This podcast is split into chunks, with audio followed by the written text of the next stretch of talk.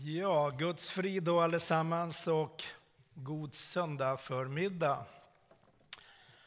Jag hoppas att allt är väl med dig och att du mår bra. Det är härligt att se vad Gud gör mitt ibland oss. Vi ser ständigt nya människor komma till vår kyrka, till våra möten. Och jag tror att Gud vill frälsa många människor i vår stad. Jag tycker vi ska ha den inställningen att Gud vill nå människor och göra något nytt. Vi tror på en god Gud och att han vill vårt bästa. Ibland så kan vägen framåt se lite knepig ut. Men det ska vi veta att han är för oss och inte emot oss. Idag ska jag ha en lite speciell predikan. Jag har tagit med mig lite stenar och jag tänkte intervjua dessa stenar och höra vad de har att berätta för oss. De innehåller tusentals år av Guds erfarenheter. Varje sten, jag har sex stycken, de representerar en händelse i Bibeln och är knuten till en person. Och jag kommer inte att läsa bibelställen för varje händelse utan jag förutsätter att du kan din bibel någorlunda bra. Så ska vi kunna hänga med här.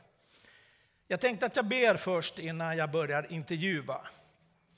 Herre, jag tackar dig för att vi har fått komma samman här i vår kyrka idag. Tack Herre för att du är mitt ibland oss. Tack Herre för att du är här för att röra vid oss. Och tack för att du har en hälsning till någon idag här mitt ibland oss. Till någon person som behöver få höra en stark och rejäl uppmuntran från dig, Herre. Jag tackar dig så, Fader, i Jesu namn. Amen. Jag vill läsa då ifrån Lukas 19, 37-40. Då han närmade sig sluttningen av Olivberget började hela skaran av lärjungar i sin glädje prisa Gud med hög röst för alla de kraftgärningar som de hade sett. Välsignad är han som kommer, konungen, i Herrens namn. Frid i himlen och ära i höjden. Några fariseer i folkmassan sa till honom, Fariseerna de var alltid med där någonstans, sa till honom, Mästare, säg åt dina lärjungar att tiga. Han svarade, jag säger er att om de tiger kommer stenarna att ropa. Amen. Jesus säger att om inte folk hyllar mig så har jag stenar som vill hylla mig. Och är det så att inte du vill tacka Gud för vad han har gjort i ditt liv så kommer Gud att väcka upp stenar. För någon måste ära och tacka och lovprisa honom för hans gärningar. Vad skulle ha hänt om folket hade tigit? Hade stenarna börjat ropa då?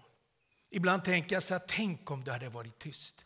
Jesus hade tagit en himmelsk mikrofon och satt ner till stenarna och de hade börjat lovprisa Gud när han var på väg in till Jerusalem.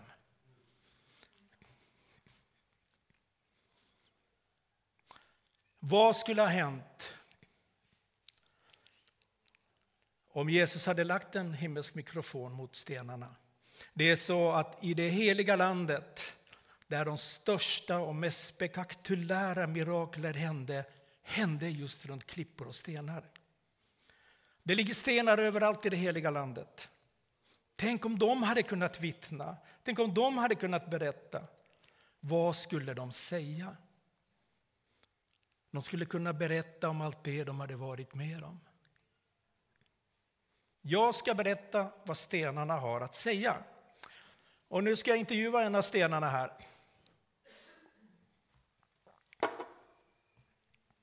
Vem är du? Jag är Jakob sten. Fel. Jag är Moses sten. Det är den första stenen man omnämner i Bibeln i Första Mosebokens 28 kapitel. Ja, men eh, okej, okay, vad hände då? Jag har väntat länge på att få berätta det här.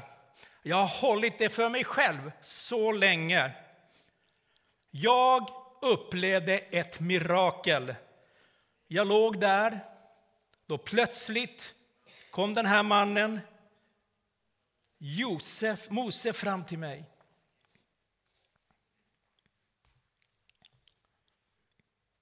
Jag börjar fel här. Nu är det kört. Jag börjar om. Bra, Michael. Där är Jakobs sten. Jakob han var rädd för sin bror Esau. Han flydde från sin bror och han skulle gå honom till mötes. Så kom han till en plats där den här stenen låg. Esau kom med flera hundra soldater för att möta honom. Han var övertygad om att han skulle dö, hans familj skulle dö. Och han kom dit, säger stenen. Stenen berättade, han kom dit. Han var så förlorad, han var så rädd och han såg sitt eh, livsöde komma mot honom. Men Mose, eller eh, Jakob, han la sitt huvud på den här stenen för att sova. Och då gav Gud honom en dröm. Han såg en syn och en dröm när han låg på stenen. Och han såg en stege komma uppifrån himlen och ner och där gick det änglar upp och ner. Han såg en syn. Och stenen berättar nu så här, jag kommer aldrig att glömma det här, säger stenen. Det är han som vittnar nu. Jag glömmer aldrig. Nästa morgon när han steg upp så tog han olja och hällde över mig. Och han började att tacka Gud. Han tackade Gud fast han såg sin förlust komma. Han tackade Gud fast han var förvirrad, fast han var rädd. Och han kände att han inte hade någonting. Han tackade Gud för den smorda drömmen han fick. Och han tackade Gud för oavsett hur situationen såg ut. Om du har varit på en plats där du inte vet vart du är på väg eller hur du ska ta dig ut ur ditt problem. Det kanske är så illa till och med att problemet kommer följandes efter dig, jagandes efter dig. Han vill kanske påminna dig om att du ska in på villovägar. Och du kanske inte vet vart du är på väg. Du är förvirrad, du är rädd. Men då ska du veta att Gud finns mitt i ditt problem, hur den ser ut. Han kan dyka upp mitt i ditt problem och han kan vägleda dig ut ur din situation och din omständighet. Glöm inte att tacka Gud för det han gör i ditt liv oavsett livsomständighet. Om inte du tackar Gud för ditt liv och för det han gör i ditt liv så kommer någon sten någonstans att tacka honom. För om människorna tiger kommer stenarna att ropa. Håll inte tyst. Tacka honom, prisa honom, ära honom, upphöj honom. Tacka för allt vad han har gjort och vad han kommer att göra. Jag går vidare med nästa sten. Ska vi se om man kan hålla rätt på person här. här kommer det en ny sten. Vad säger du då? Jag vill vittna, säger han. Men vem är du då? Jag är Moses sten. Vad menar du? Vad menar du? Jag kommer aldrig att glömma. Jag har velat berätta detta för evigt. Jag låg där mitt ute i öknen. Det fanns ingen mat. Det var hett. Det fanns inget levande. Det var dött. Plötsligt hörde jag en massa människor komma gående. Och de mumlade och de klagade och de pratade. De pratade om att de hade det bättre i Egypten. De ville tillbaka till Egypten, det var bättre där. De sa hur törstiga de var. Det var då den där gamla mannen kom. Den där gamla mannen med den där staven i sin hand kom. Han kom i sandaler och sin stav. Och han hette Moses. Han kom över till mig och han slog mig. Stenen vittnar här. Han slog mig. Han slog mig med sin stav. Och när han gjorde detta kände jag att någonting hände. Det började att bubbla inom mig, säger stenen. Djupt inne i min själ så kände jag en flod. Så hjälp mig, Gud. Vatten började att spruta ut ur mig.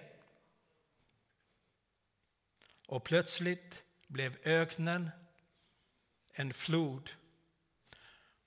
Och jag är här för att vittna, säger stenen, att Gud kan och vill förse dig och möta dig med alla dina behov. Även om du är ute i öknen så kan Gud ge dig välfärd och välsignelse. Gud kan ge dig vatten mitt ute i öknen. Han kan ge dig allt du behöver fast det ser torrt och tomt ut. Och om inte du hyllar och prisar och ärar din Gud för att han tar hand om din vardag, att du har mat på bordet, tak över huvudet, du har en säng att sova i. Om inte du tackar honom för det lilla så kommer någon sten att tacka honom i ditt ställe. Tänk på det. Tacka Gud för alla livets olika skeden.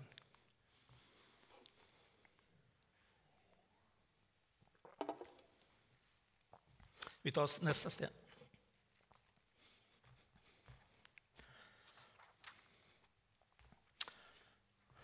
Det här är en tegelsten.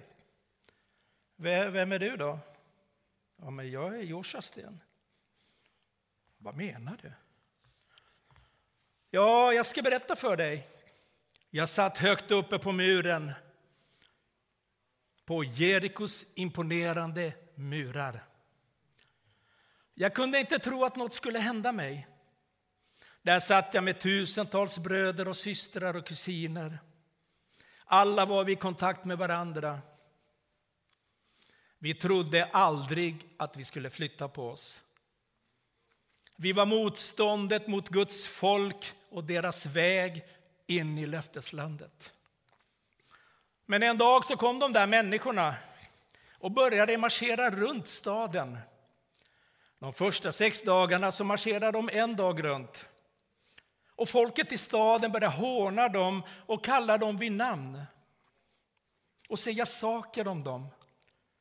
Men på sjunde dagen så marscherade de sju varv. Och plötsligt började prästerna blåsa i trumpeterna. Där satt jag högt uppe i muren, vacker och stolt. Men när de blåste i trumpeterna och folket skrek högt kände jag plötsligt en rörelse. Jag kände att stenarna under mig började att röra på sig. Och plötsligt då skakade och nästa sak som hände så föll vi ihop som ett korthus. Och vi rasade samman och jag låg flack ute på backen. För det står i Bibeln att de låg flack ute på backen.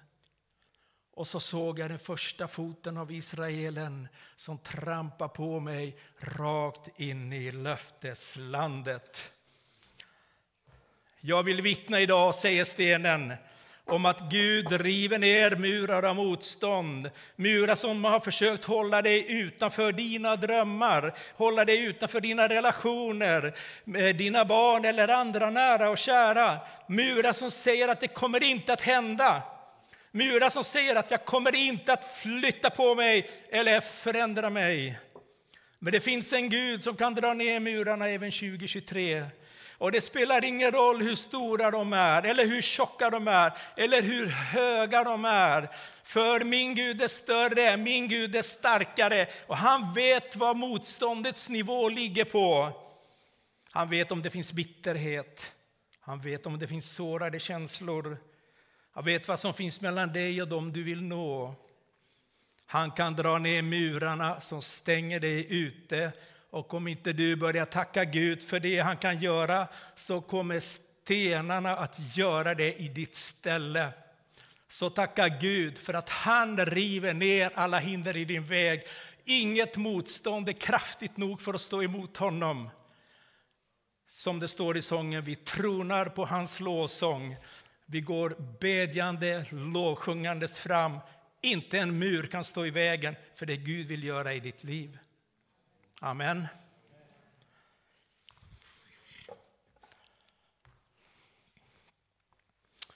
Vem är du då? Du är ju bara en liten sten. Syns knappt. Ja, jag är Davids sten. Vad menar du? Jag vill ge mitt vittnesbörd. Jag låg på marken bredvid en bäck. En dag kom ett rådjur och puttade ner mig i bäcken. På den tiden var jag en kantig sten. Jag var en sten med vassa kanter och jag var så här ruggig. Men när rådjuret puttade ner mig i bäcken och där har jag legat i tusentals år. Bäcken började slipa bort det kantiga, det ojämna, det försvann. Vassa saker försvann ur mitt liv med tiden och jag formades till en len och mjuk sten. Ja, den formade mig och befriade mig från bitterhet, aggressioner och sår och allt det motstånd som fanns inom mig mot Gud. Det slipades bort i vattnet som forsade över mig. Men det var då det hände. Det är stenen som vittnar. Jag kommer aldrig att glömma när den här herden kom. Han räckte ner sin hand i bäcken och han plockade upp mig. Han utvalde mig. Han tog mig bland många andra stenar. De var snyggare, de var bättre, de hade bättre utbildning, de var mer kvalificerade. Men han tog mig, säger stenen. Han utvalde mig. Och han la mig i en lederväska som hängde vid sidan. Och han gick iväg. Plötsligt så hörde jag massa röster, fullt med folk. Och det var någon som smedade och hedade Gud och sa saker om David. Då greppade han, la sin hand i ledeväskan och plockade upp mig.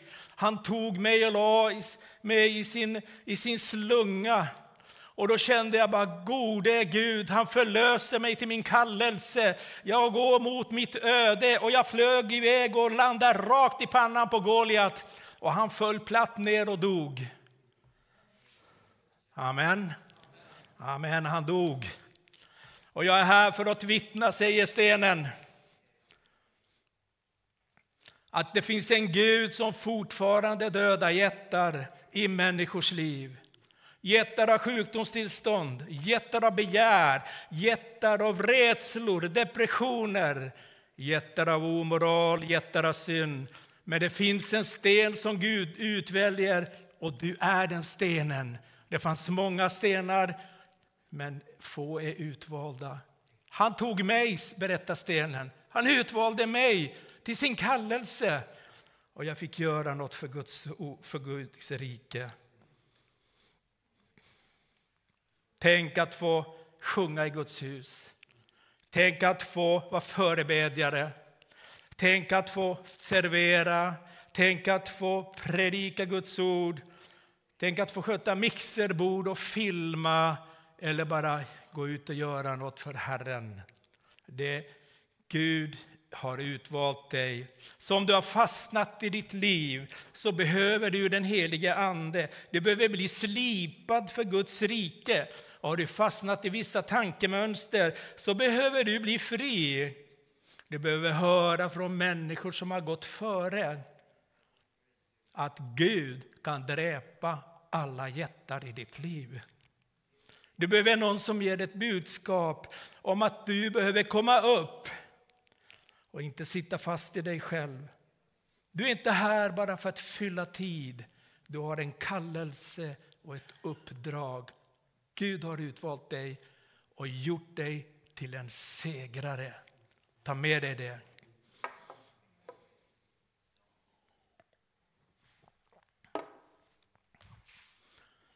Jag tar nästa sten. Vad, vad är det med dig då, Sten? Du, du har blod på dig. Vad har hänt? Jag var i den eh, demonbesatte mannens hand jag hörde honom på natten. Han var besatt av tusentals demoner. Han slet av sig kläderna, han skrek dag och natt. Jag kunde höra honom skrikandes, hjälp mig, hjälp mig. Men demonerna torterade honom. Och plötsligt så räckte han ut sin hand och tog mig i sin hand. Han var full av självhat, självförakt och han skar sig själv med mig, säger stenen. Det är därför jag har blod på mig. Han bodde bland gravarna. Ingen man kunde tämja honom. Jag såg honom. Ingen själs, själavårdare kunde fixa till honom. Ingen psykiatriker kunde få rätsida på honom. Det fanns inget program som kunde rädda honom. Men en dag, berättar stenen, kom en båt till stranden och en man från Galileen steg i land. Han hoppade ut från sin båt och kom upp till mig. Då hade mannen mig fortfarande i sin hand, säger stenen. Han var blödande, skadad, men han ramlade ihop framför Jesus och tillbad honom. Det var då Jesus kastade ut demonerna ur mannen och de for in i svinen och han blev fri. Han kom till sina sinnen och blev lugn. Ja, det är stenen som vittnar idag.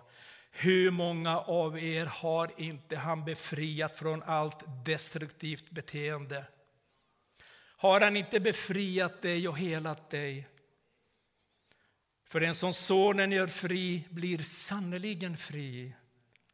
Och om inte ni prisar honom och ärar honom för vad han har gjort för er så kommer stenarna att prisa och ära och tillbedja honom för det i ert ställe. Lovprisa Gud i alla livets situationer och omständigheter. Du kan tro på honom, du kan lita på honom. Han dödar jättarna, han river ner murarna, han förser dig med vatten och mat. Han har alltid ditt liv i sin hand. Var inte orolig.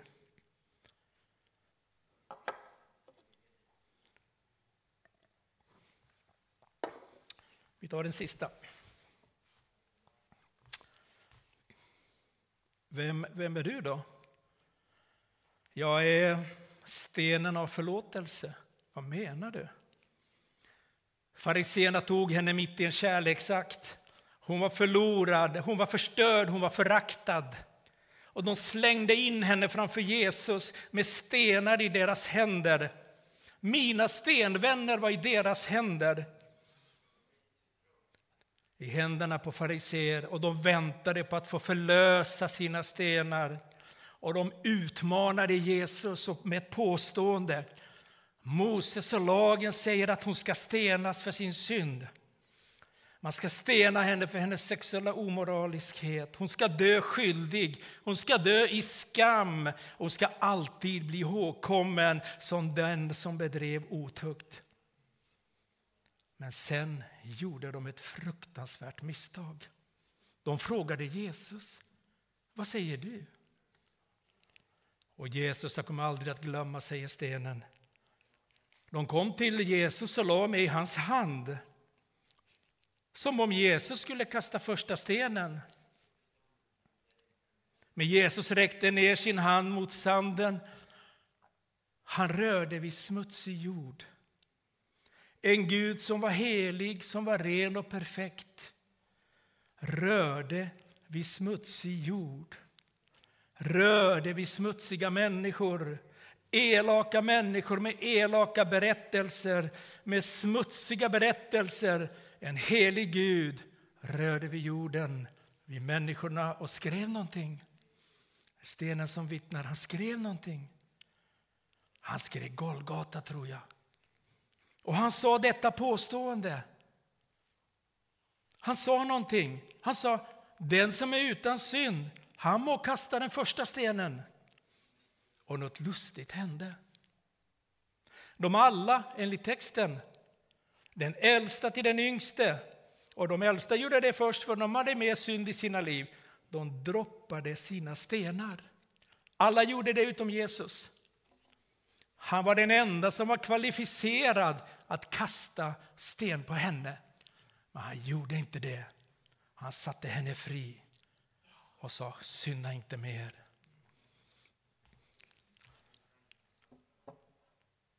Satans främsta vapen mot dig när du syndar där, han fördömer dig så att du fördömer dig själv. När du faller i synd eller något annat, eller i självfördömelse och känner dig smutsig, om då någon röst säger så här. och fördömer dig så tar du det bara till korset. Du tar det bara till korset. Jesus kastar inga stenar. Han förstår syndare, han möter människor, han helar, upprättar, rättfärdiggör och han gör någonting nytt. Han tar hand om alla dina behov. Och om inte du börjar prisa din Gud för vad han gör i ditt liv så måste Gud väcka upp stenar som prisar och ärar honom i ditt ställe. Stäng inte munnen, lovprisa din Gud. Låt honom få veta alla dina tankar och önskningar så ska han se till att du får det och ta hand om dig.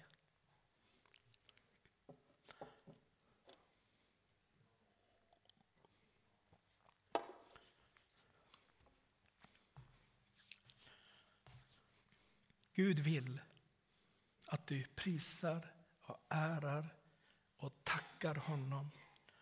För det han har gjort för dig, det är så stort. Det är så stort. Det här var några enkla exempel där några stenar har varit inblandade i människors liv. Tänk att smörja en sten med olja, som Jakob gjorde, som en åminnelse över en syn han fick. Och det visade sig att det var ingen fara med Esau.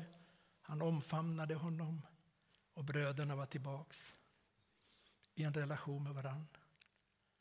Gud kan hela, Gud kan befria, Gud kan ta bort alla hinder i din väg, vare sig det är murar eller jättar.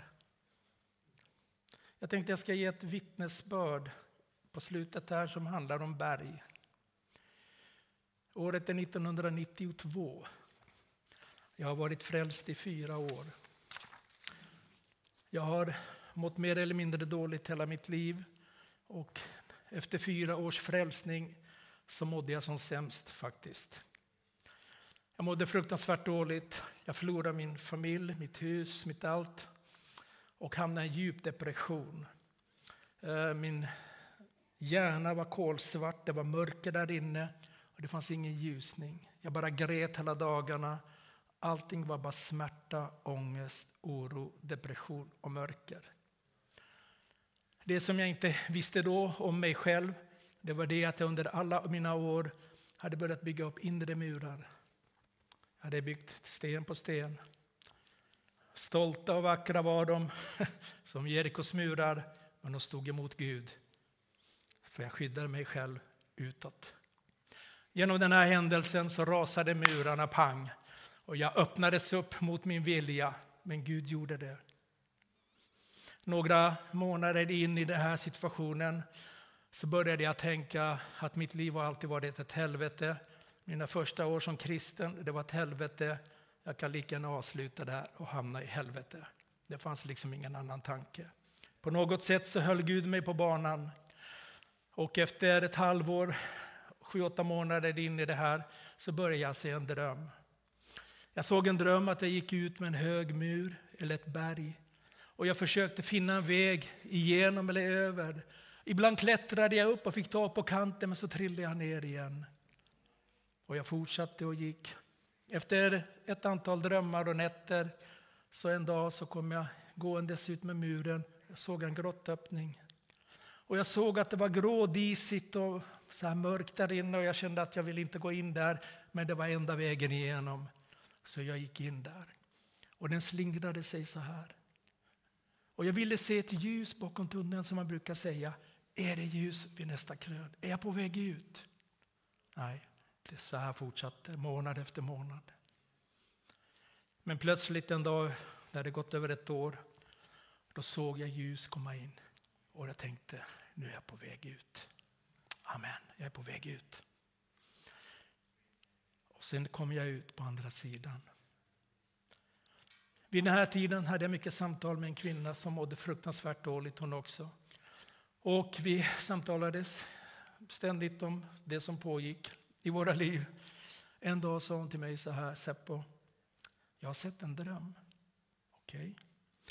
Jag såg att jag gick ut med en mur och jag ville komma över eller gå igenom, men jag fann ingen väg. Men en dag så såg jag en grottöppning. Jag kände hur Gud drog mig in till den här grottöppningen. Men jag satte emot, jag ville inte gå dit. Det var läskigt.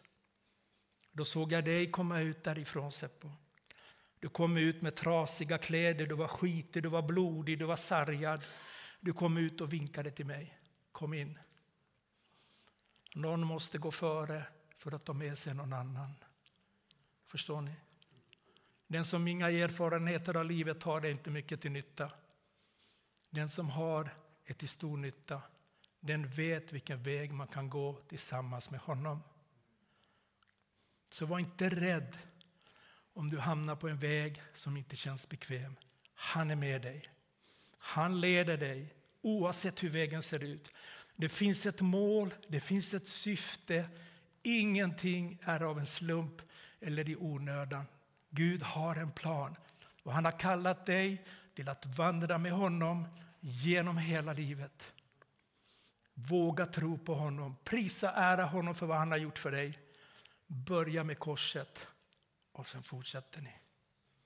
Amen. Amen. Låt oss be.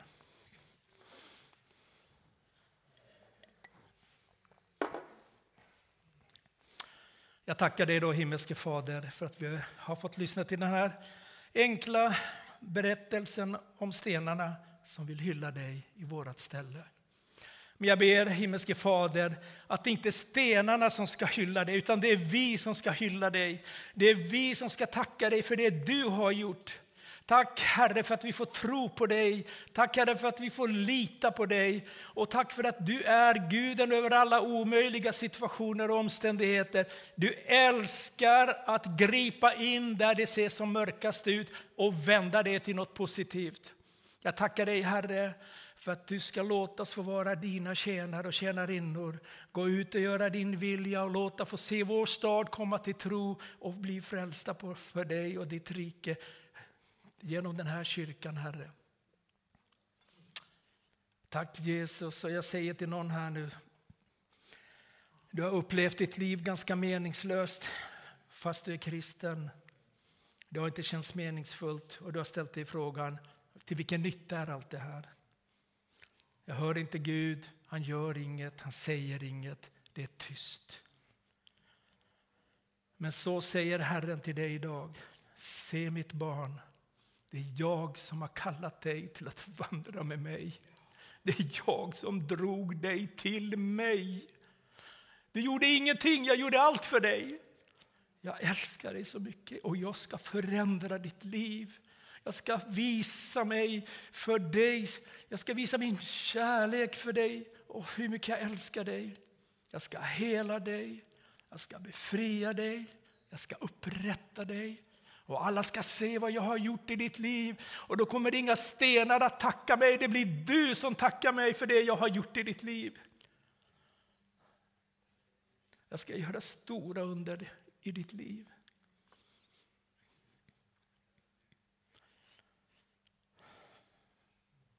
Du vandrar i ett mörker och du är rädd. Du är i Guds hus men du är rädd. Du är rädd för omständigheter, du är rädd för allt som kan hända. Men det är slut med det nu. Nu kommer jag att komma runt dig och ge dig frid och lugn och ro. Du ska förundra dig över vad jag gör. Du tänker, det är inte möjligt. Är det här ett kristet liv? Vad har jag missat alla mina dagar med dig? Jag ska ta hand om dig. Och jag ska lägga det i ditt hjärta i det här mötet just nu. Det du känner i ditt inre just nu, det är min heliga Ande som rör vid dig. Våga tro på mig. Amen.